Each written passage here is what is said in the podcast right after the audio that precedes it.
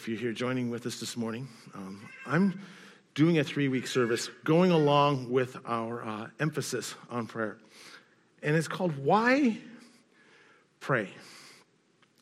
Every time I do a series on prayer, and I have done a number of them, and I've done a number of sermons on prayer, I always kind of remind the story, myself of the story of a businessman who really wasn't much of a prayer, really didn't believe a whole lot in prayer.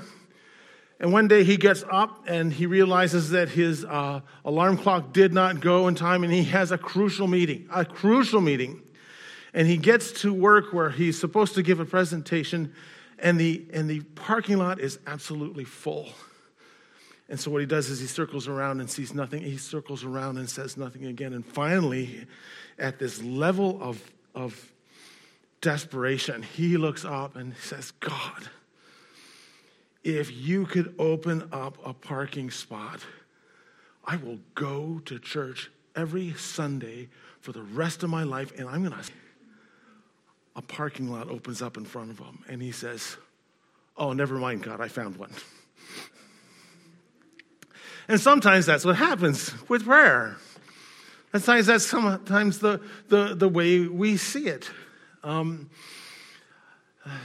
in uh, May of 2019, Christianity Today uh, wrote a, a, story about an individual whose name was Casey Diaz. And, and in that time, uh, half a decade prior, what had happened was Casey Diaz was one of the leaders of the gang, which is called the Rockwood Street Locos in uh, south uh, central Los Angeles.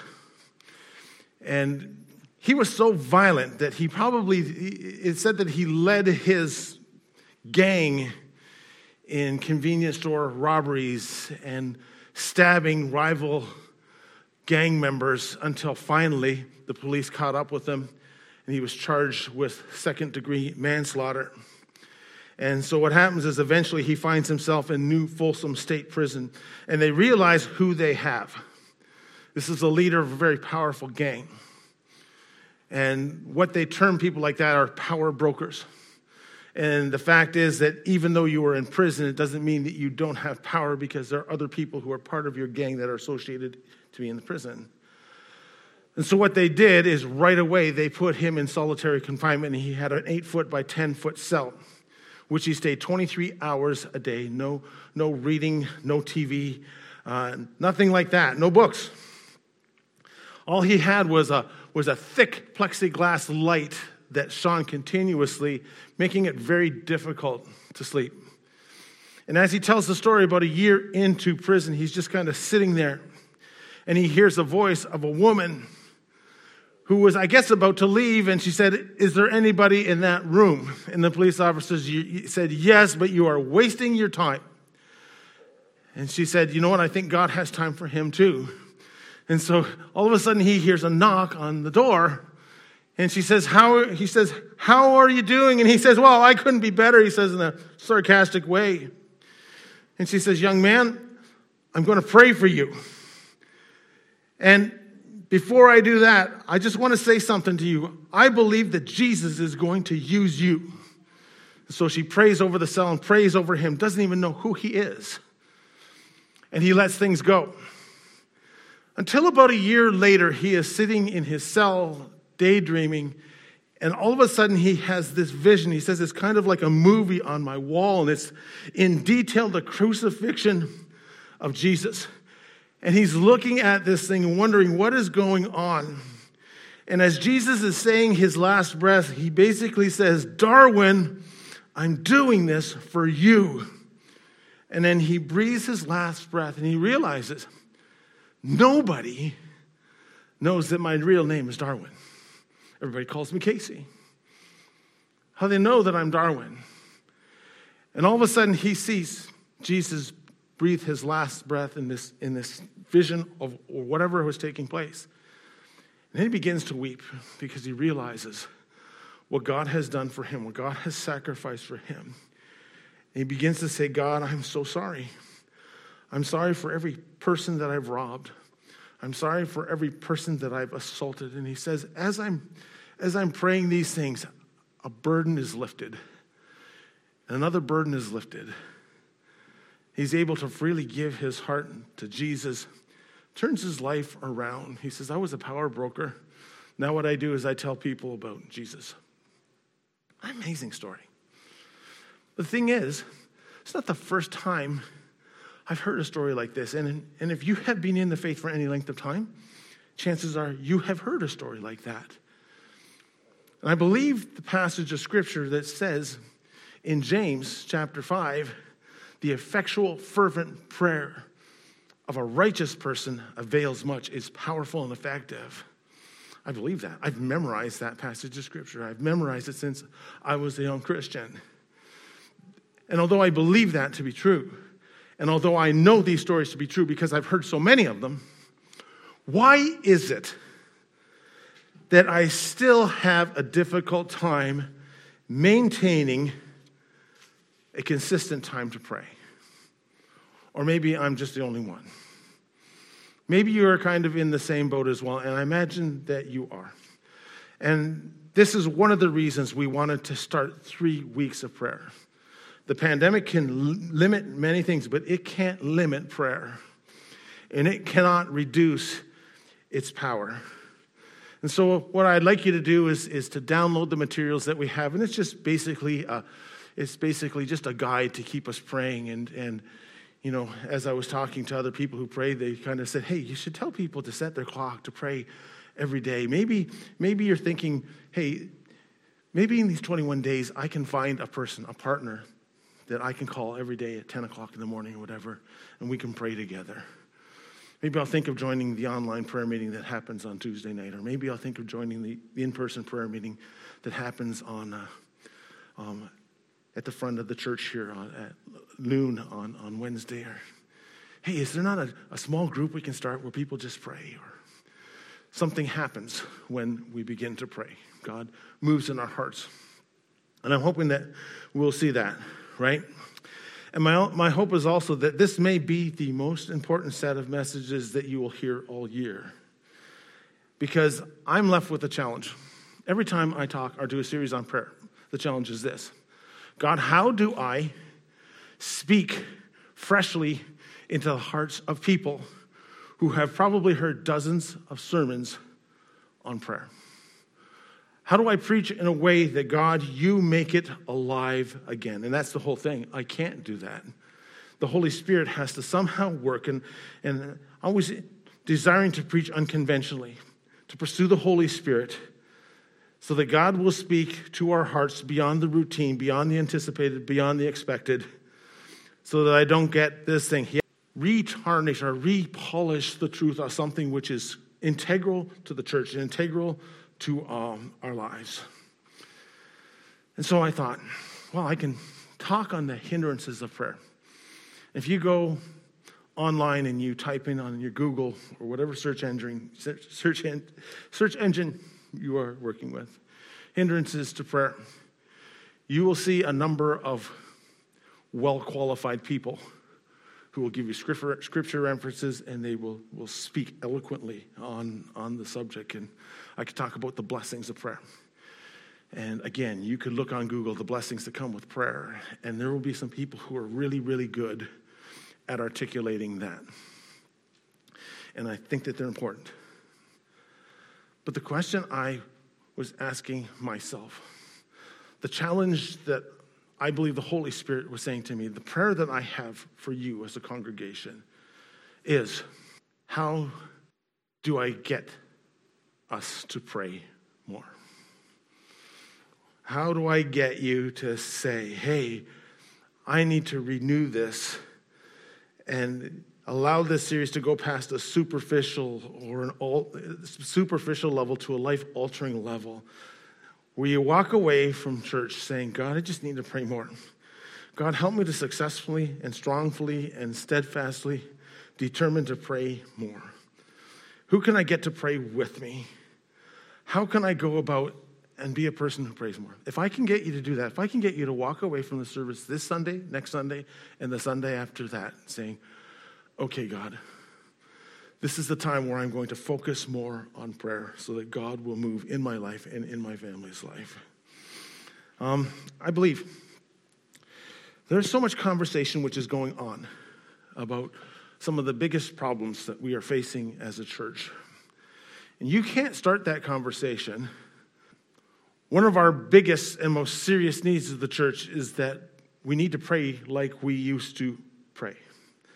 Prayer doesn't do any good if you don't pray. Sounds simple, doesn't it?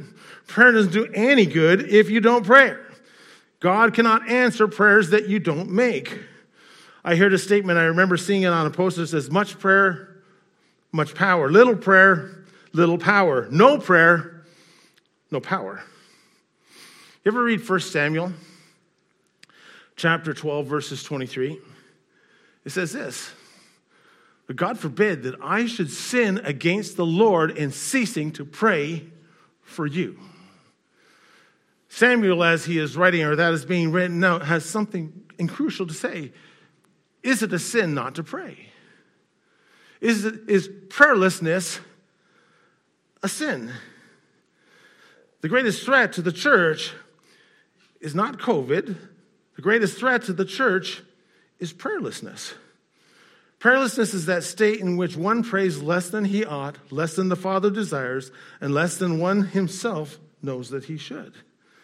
And I just want to say this, and this is my contention of this whole sermon is that the number one reason we don't pray, pray is because it is part of a huge spiritual battle going on. That the greatest weapon that we have at our resources is prayer. And I don't know if we realize it, but Satan does. And so this is the thing. D.L. Moody, and I don't know if you know who D.L. Moody is, Dwight L. Moody. Um, he was the one who created Moody Bible Institute in Chicago, which is a huge uh, institute, Bible college, uh, training people. But he lived about 100 years ago. Probably one of the most influential Christians of that time.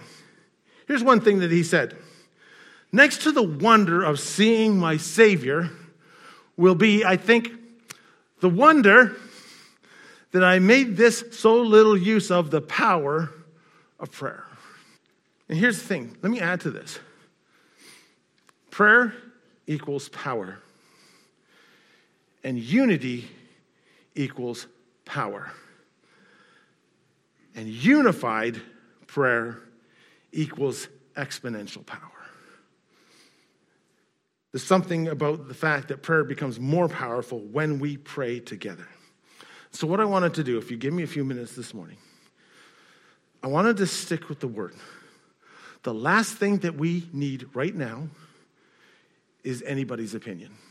What we need is what the Word of God actually says. And with that thought, I want to talk to you about four reasons why we don't pray, four tactics that Satan uses to keep us from praying all the time. The first one I call distraction, and it kind of it kind of stems from last week's sermon. And, and I don't know whether you were here for last week's sermon, but it was talking about Mary and Martha. And uh, Martha was preparing everything. Mary was sitting at the feet of Jesus. Eventually, Martha gets angry at Mary for doing nothing, at least in her eyes, nothing, while she does all the work. And we're expecting Jesus to say, "Hey, okay, Mary, get up there and help Martha," but he doesn't. He basically says this, "Martha, Martha." In verse 41, it says, You are confused and you are anxious and you are troubled about many things. What Mary is choosing to do is the better thing. And what Jesus brings out in that particular passage of scripture is this is that one of the greatest things that keeps us from actually praying is distraction. Even if that distraction is a good thing. Sometimes we are so busy doing the work of Jesus that we don't get to know Jesus. We're too distracted by the cause. We're too distracted by the ministry. We're too distracted by whatever work we are doing. We are so distracted by the superficial. We're so distracted by the things that we think that they're so important that they're more important than God. Well, we don't say that, but our actions kind of prove that. We are a number of Christians that have a 27 hour schedule that we try to put in a 24 hour day. And we add to add to that, we incorporate our children into this level of busyness as well. There's a saying, and I think I have it up here. Yeah, it says, if the devil can't make you bad, he'll make you busy. And so what happens is we are distracted. And I have this theory, I don't know if I can prove it, but I believe that it is true. That there have been, there's been a downward turn, it says, the trends have said in, in terms of, of young people who are coming to church. It's quite concerning that people are kind of deconverting, walking away from faith, abandoning the faith that they were when they, and they're not coming back. And I know that there have been a lot of people who have said, you know, what's happened is that our world has changed. Uh, the way that we communicate has changed. The fact that there's so much knowledge we have access to has caused things to be difficult to, to, to um, preach the gospel. So we need to repackage the gospel. We need, we are late to the party in, in being able to communicate the truth of the gospel. And what we need to do is we need to kind of wake up to this as the church. And this is kind of why the downward trend has happened. And, and, and there might be some truth to that.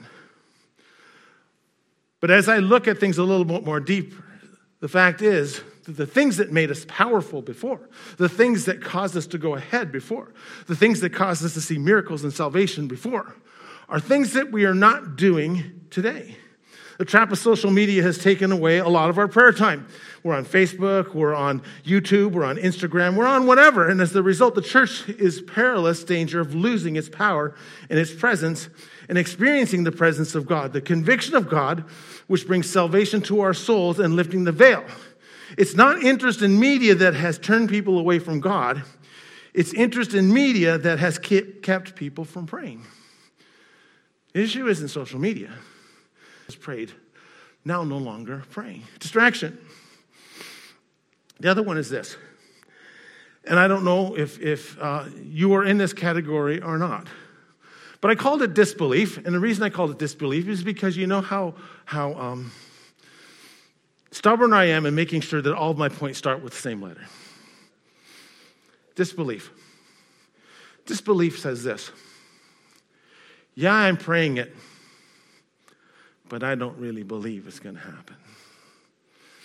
James, in, in James chapter 1, verses 6 to 8, it says, it says, But let him ask in faith, nothing wavering. Because a person who is double minded, don't let that person think that he'll receive anything from the Lord. A, a double minded man is tossed to and fro.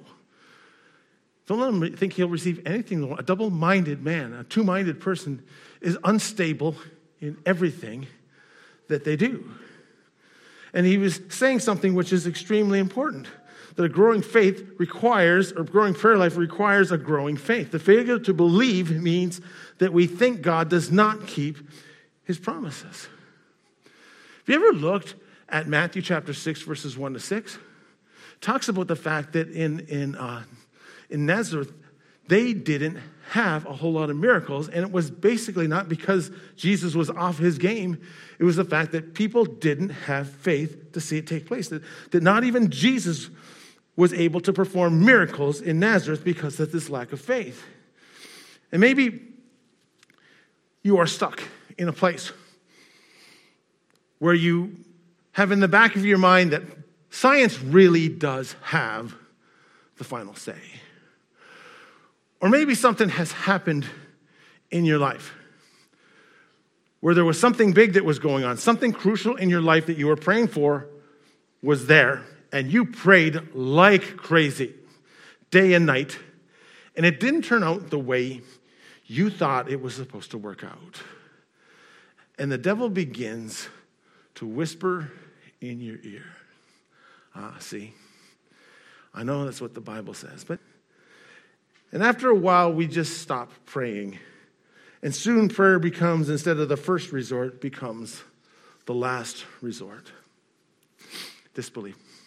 Distraction, disbelief. Here's another one. This is a huge one. I'll call it disharmony. Disharmony is the fact that your prayer life gets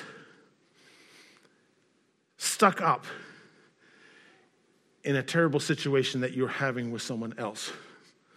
That the relationship you have with others affects the relation you have with God.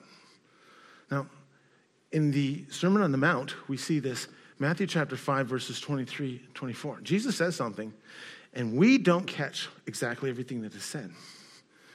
Jesus basically says this if you're at the altar with a gift and you realize that someone has aught against you, leave the gift at the altar, make it right with them, then come back and give your gift. You know, it doesn't say this. A lot of times we think it says this. Listen, if you're there at the altar and, and you have aught against someone, it doesn't say that. You ever notice that? It doesn't say if you have aught against someone. It says if someone has aught against you. In other words, they're the one who has the problem. And I believe that the reason Jesus says that is because when we have ought against someone else, it's never, ever our fault. It's always the other person who has the problem. Basically, what Jesus is saying is your prayer life will be affected. Your personal life will be affected if you're not living in some form of unity. Ever read Psalm chapter 133? Can I read Psalm chapter 133 to you? It is kind of the quintessential verse on, on unity. It says this How good and pleasant it is when God's people live together in unity. It is like the precious oil poured on the head, running down the beard, running down on Aaron's beard, down on the collar of his robe. It is like if the dew of Hermon were falling on Mount Zion, for there the Lord bestows his blessing, even life evermore. Now, there's symbolic stuff in there that sometimes we don't catch. Basically, when it's talking about the oil, it's talking about the anointing of the Holy Spirit. When it's talking about the dew, it's talking about the refreshment of God and just the blessing. So, with unity, when brothers and sisters dwell together in unity, there is an anointing like no other. There is a refreshment like no other. And there is a blessing like no other.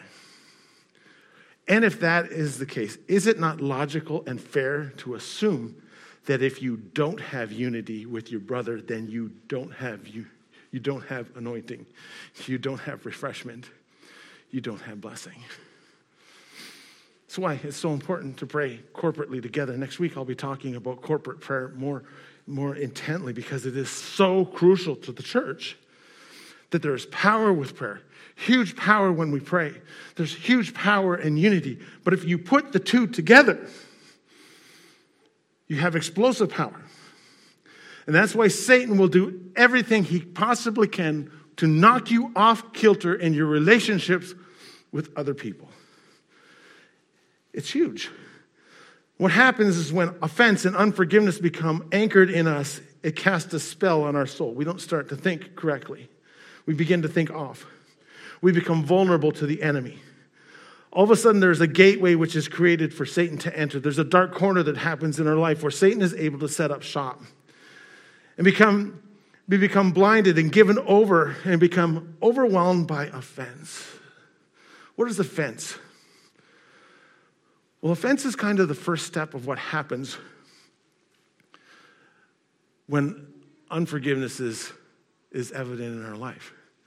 It is the point when Satan sinks the hook into us. We become angry that something has said. We feel that we have the right to be angry.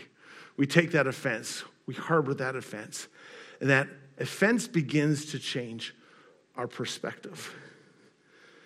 And soon what happens is we find ourselves in the wrong frame. The problem is that you stay in church, you sing the songs, you enjoy the company, but your relationship with God is hindered, and your relationship with other people were hindered, and just quite naturally, you stop praying. Satan has an influence there. Distraction, disbelief, disharmony. Let me add one more if I could. I call it discontent. Discontent is that part. And James, James talks about discontent in, in James chapter 4, uh, verse 3. He actually, from, from James chapter 4, verses 1 to 6. But in James chapter 3, he says, You pray amiss. He says, he says, all these things are going on. You're praying and says, you don't have, you have not because you ask not. And then it says, you ask and you don't receive because it says, you ask amiss that the motivations, the desires, the devotion that you have is totally than the ambitions and the things that God wants. And so there's a dichotomy. There's what you want, and there's what God wants, and you pray, pray, pray your way, never in line with what God wants you to pray. And soon you become frustrated over the fact that God doesn't see things your way. Oh, yeah, I know, I know, I know that we would never do that. But isn't it true that we are really good at fooling ourselves and convincing, trying to convince God that our way is the best way? What ends up happening is you become discontent. We live in a discontent church of people. And I'm not talking about Bethel, I'm talking about just the church in North America. We got absolutely everything. We don't have that one extra thing. And Paul, in talking to Timothy, chapter 6, verses 6 to 11, says this Godliness with contentment is great gain. There's a lot of people out there, he says, who have scrambled for all these other things. And this is what he says He said they shipwreck their faith. Paul in, in, in Philippians chapter 4, um, verse 11. Oh, I think I may have, I don't know if I have, have that wrong. Yeah, Philippians 4, verse 11 says this. You know, I've had times in my life where I've had absolutely nothing. I've had times in my life where I have had more than enough. Whatever the case is, this is the true thing about me, he says. I've learned whatsoever state I am, therewith to be content. I've come to a point of happiness in my life that even if somebody else has more, even if I don't have everything that I think I want, I'm still going to trust in the fact that God is a good God who will provide for me every single day of my life. And I have to be living in that particular world. When you're not content, you look around and you become bitter and you become covetous and you become unhappy. And the question, uh, you begin to question his kindness. You, you question his provision, you question his love for you. You have frustrated prayers because the goals don't meet. And somewhere along the line, you're just saying, God, you need to come. Eh, we don't pray these things, but what happens, it happens at that particular level in our lives. And when we have fought God and fought God, what either happens is we say, okay, God, I'll be happy with where you want me to be, or we will say, God, I'm not happy where I want to be and we just stop praying. You see how Satan works in our lives to keep us from the most powerful thing that he has given us. And it can't be taken away. And whatever freedom or law cannot prevent it from happening to us. That's a wonderful thing about prayer. Isn't it true? I've come to realize that perhaps the greatest leap that I made in my faith was when I came to the realization that the reason I don't pray regularly at times had its foundation in spiritual battle. Have you always thought it was because you were lazy? Have you always thought it's because you were bad? That's the reason I don't pray? Well, here is perhaps the greatest information you will hear this year. You're in a battle, and Satan will do everything he can to keep you from praying. He'll do everything he can to keep you from praying for your neighbor because your neighbor might get saved. He's going to keep you from praying against your friends at work because maybe your friends at work will get saved. He's going to keep you from praying for the Holy Spirit to move in the service.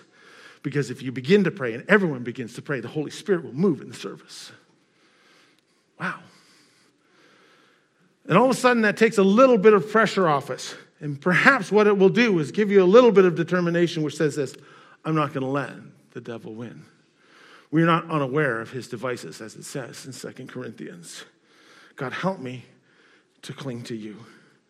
God, help me to give everything to you. My efforts lead to a hopeless end, but God's way leads to endless hope. Isn't that true? Have you ever heard of Thomas Merton? Maybe you haven't. He's not really popular in, in what we will call Pentecostal circles.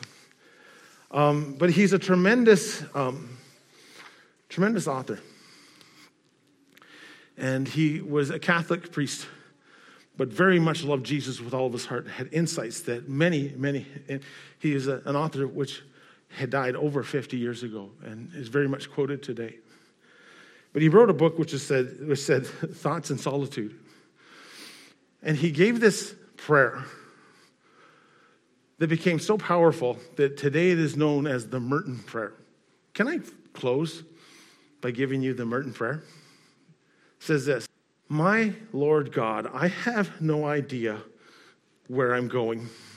I do not see the road ahead of me. I cannot know for certain where it will end. Nor do I really know myself. And the fact that I think I am following you does not mean that I am actually doing so. But I believe that the desire to please you does, in fact, please you. And I hope that I have the desire in all that desire in all that I'm doing. I hope that I will never do anything apart from that desire. And I know that if you do this, you will lead me by the right road, though I may know nothing about it. Therefore, I trust you always, though. I may seem to be lost and in the shadow of death, I will not fear, for you are ever with me. You will never leave me to face my perils alone. God, make me a prayer. I've always known since my early days as a Christian, it was impounded into me that I need to pray. But Lord, I realize that there are seasons where I prayed, there are seasons where I didn't. And there are still times, even as the pastor, where, where I struggle. God, we just expose the enemy right now. And Lord, whatever ground He has taken in our life, we take back right now in Jesus' name. And so I pray by the Spirit of God that you will implant in us a renewed desire to pray, a renewed desire to seek you, a renewed desire to love you even more and see you do great things in our lives, in our neighbors' lives, in our friends' life, in our church life. May you be lifted up and glorified, I pray. In Jesus' name we ask. Amen. Thank you for taking the time to listen. Let's continue the conversation online. Visit us at bethelbrandon.ca or follow us on Facebook.